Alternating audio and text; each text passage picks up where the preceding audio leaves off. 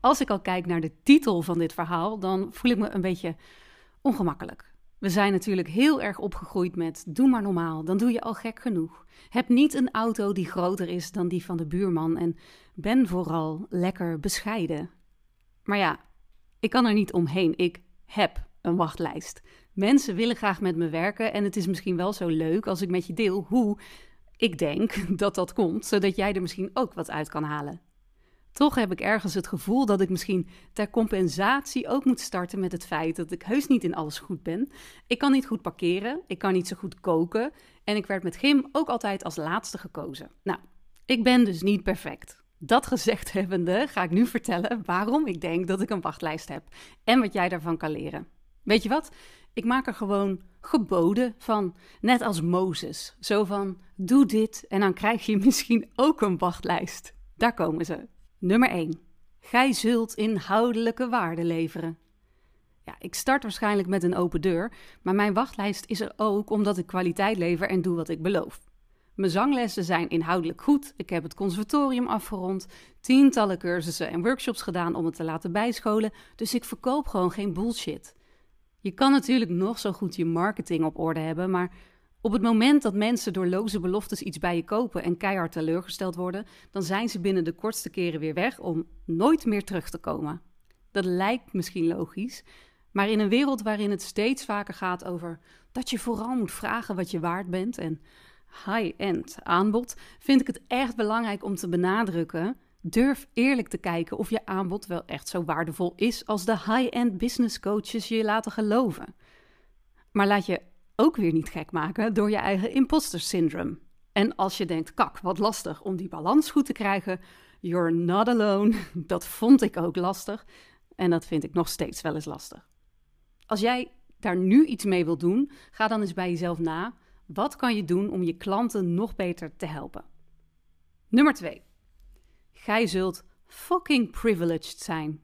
En voor je begint te stijgeren, met privileged wordt niet bedoeld dat je geen problemen hebt en alles je aankomt waaien. Het leven is voor niemand alleen maar makkelijk. In ieder geval voor mij niet. Het wil alleen zeggen dat je sommige problemen of uitdagingen in ieder geval niet hebt. Was ik een transvrouw geweest? Had ik een arm minder gehad, een hoofddoek gedragen of hadden mijn ouders mijn studie niet kunnen betalen? Dan was de toch al pittige weg naar succes een stuk moeizamer geweest. Of was ik misschien zelfs nooit op dit punt gekomen. En als je daar nu iets mee wil doen, ja, dat kan dus niet echt. Echt niet zelfs. Je gender, je afkomst, je hebt het er maar mee te doen. Ik kan alleen maar zeggen, tel je zegeningen en dan vooral ook de dingen die je eigenlijk vanzelfsprekend vindt, want dat zijn ze dus helemaal niet. Nummer 3. Gij zult het uw klanten makkelijk maken. Als mensen op mijn website zijn, dan kunnen ze meteen duidelijk alle informatie vinden. Willen ze een zangavond in thema ABBA meedoen, dan kunnen ze meteen een kaartje bestellen. Bestellen ze een zangles, dan kunnen ze binnen een paar minuten al een plek in mijn agenda reserveren. En, en dit vind ik echt grandioos bedacht van mezelf, in de automatische bevestiging van de afspraak staat dan ook nog een link naar een video van 30 seconden waarin ze zien waar en hoe ze het beste kunnen parkeren. Daarnaast al mijn prijzen zijn makkelijk te vinden. Zo weten mijn klanten dat het geen natte vingerwerk is en ik bijvoorbeeld voor een zangworkshop voor een groot bedrijf niet ineens tien keer zoveel vraag als voor een workshop voor een vrijgezellenfeestje. Dat maakt me betrouwbaar. En belangrijker nog, omdat ze de prijzen kunnen zien, komen ze niet in ongemakkelijke situaties, zoals ongemakkelijk hoge offertes terecht. En dat maakt het veel makkelijker om voor mij te kiezen. Als jij daar nu iets mee wilt doen, loop dan je klantreizen na. Vanaf het eerste bezoek op je website tot de afspraak die je klant met je maakt of het product wat bij, hem bezorgd wordt, wat kan er nog efficiënter of optimaler? Nummer 4. Gij zult kei zichtbaar zijn. Tja, ik ben eigenlijk overal en je kan ook niet aan me ontkomen. Zelfs als je al je social media apps hebt verwijderd, is er nog steeds een kans dat je me per ongeluk hoort als gast in een podcast. Of dat je een blog van me vindt als je googelt op tips voor als je keelpijn hebt. En zelfs als je al je internet blokkeert, kan het zomaar zijn dat je een flyer van me ziet in de supermarkt. Bijvoorbeeld voor zo'n workshop ukulele en zang in thema kinderliedjes of kampvuurliedjes. Of dat je een interview met me ziet in de tijdschrift. En daarover gesproken, Precies over een week heb ik een fotoshoot voor bij een interview met Psychologie Magazine. Ja, ik ben er heel erg trots op. Ik laat het je weten als die gedrukt en wel in de winkels ligt. Die zichtbaarheid, hè? Is dat dan een bedachte strategie? Nee, niet per se. Het delen van dingen gaat vanzelf, maar het is absoluut wel een bewuste keuze om dat te blijven doen en daar tijd voor vrij te maken. Kijk, was ik niet naar het conservatorium gegaan, dan was ik journalistiek gaan studeren. Of muziektherapie. Dat was ook een kanshebber. Maar ik maakte als kind al krantjes, radioprogramma's met zo'n My First Sony, zo'n gele, geel-rood-blauwe gevaarte met cassettebandjes, weet je wel. En mijn drang om te delen is ook gewoon zo groot dat ik gerust in de bus aan de buschauffeur vraag of ik even iets leuks mag vertellen. Dit internettijdperk is dus geweldig voor mij. Ik kan altijd mijn verhaal kwijt. Er zijn genoeg mensen die erop zitten te wachten en het levert me dus ook klanten op. Als jij daar nu iets mee wilt doen, denk dan eens na over de kanalen die jij zou kunnen en willen gebruiken, zoals social media, papieren media, vindbaarheid in zoekmachines en plan dan vandaag even 20 minuten om hier iets mee te doen. En ja, ik vind het misschien gezellig om ongedoucht en in mijn pyjama uh, op Instagram stories te maken, maar doe vooral wat bij jou past. Nummer 5. Shit, ik moet mijn oorbel uitdoen, anders horen jullie dat de hele tijd rinkelen. Oké. Nummer 5. Gij zult leuk zijn om mee te werken. Dit is zo belangrijk. Hoe geweldig je ook bent qua skills, mensen gaan je niet betalen als ze geen tijd met je door willen brengen. Ik herhaal, ik vind het echt heel belangrijk.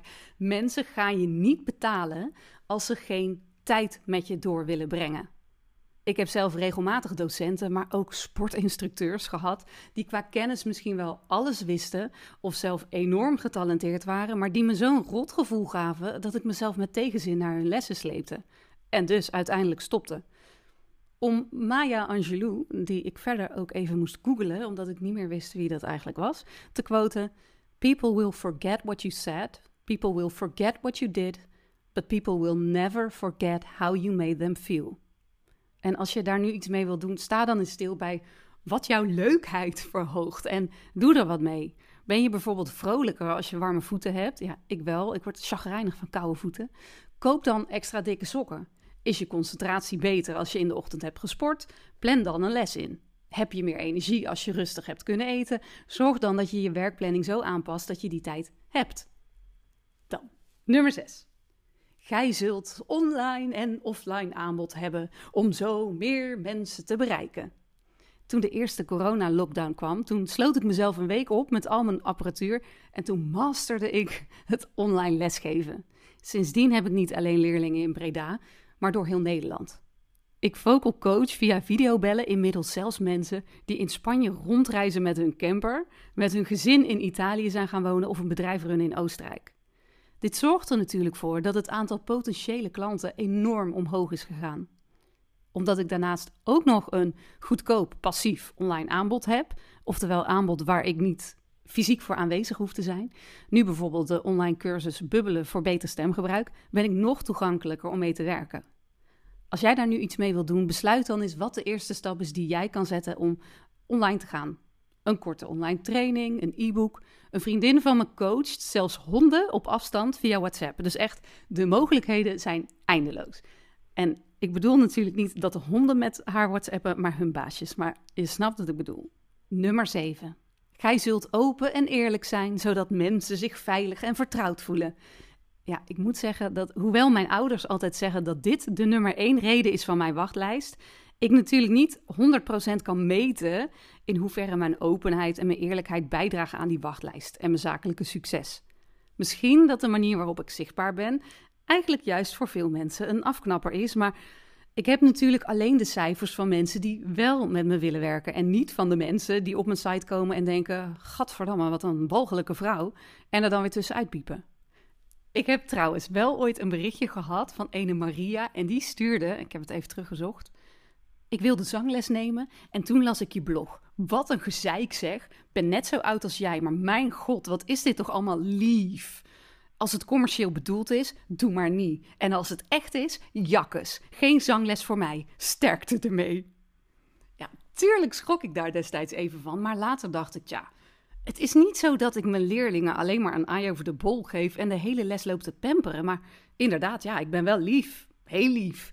Dus als deze Maria een of andere autoritaire drillsergeant zangdocent wil, waar ze met buikpijn naartoe gaat, ja, dan moet ze ook zeker niet bij mij zijn. In al die jaren is Maria de enige geweest die me liet weten op me afgeknapt te zijn door wie en hoe ik ben.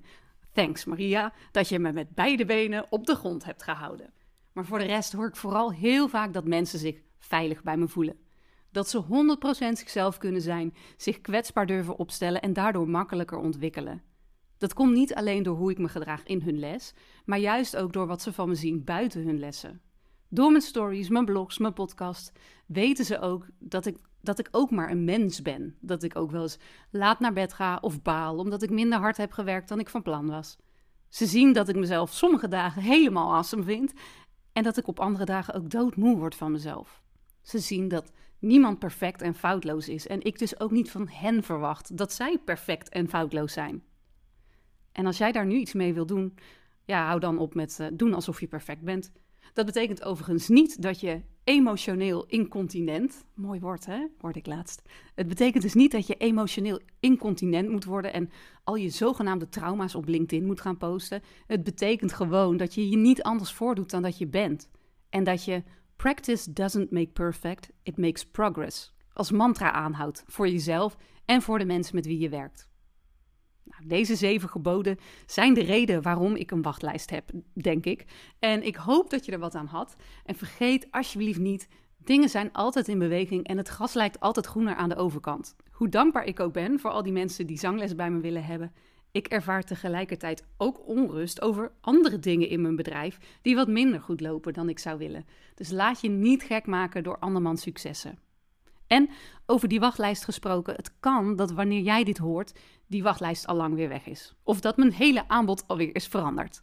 Altijd slim dus om even mijn site te checken als je ergens denkt: hmm, nou wil ik ook met die Anne werken.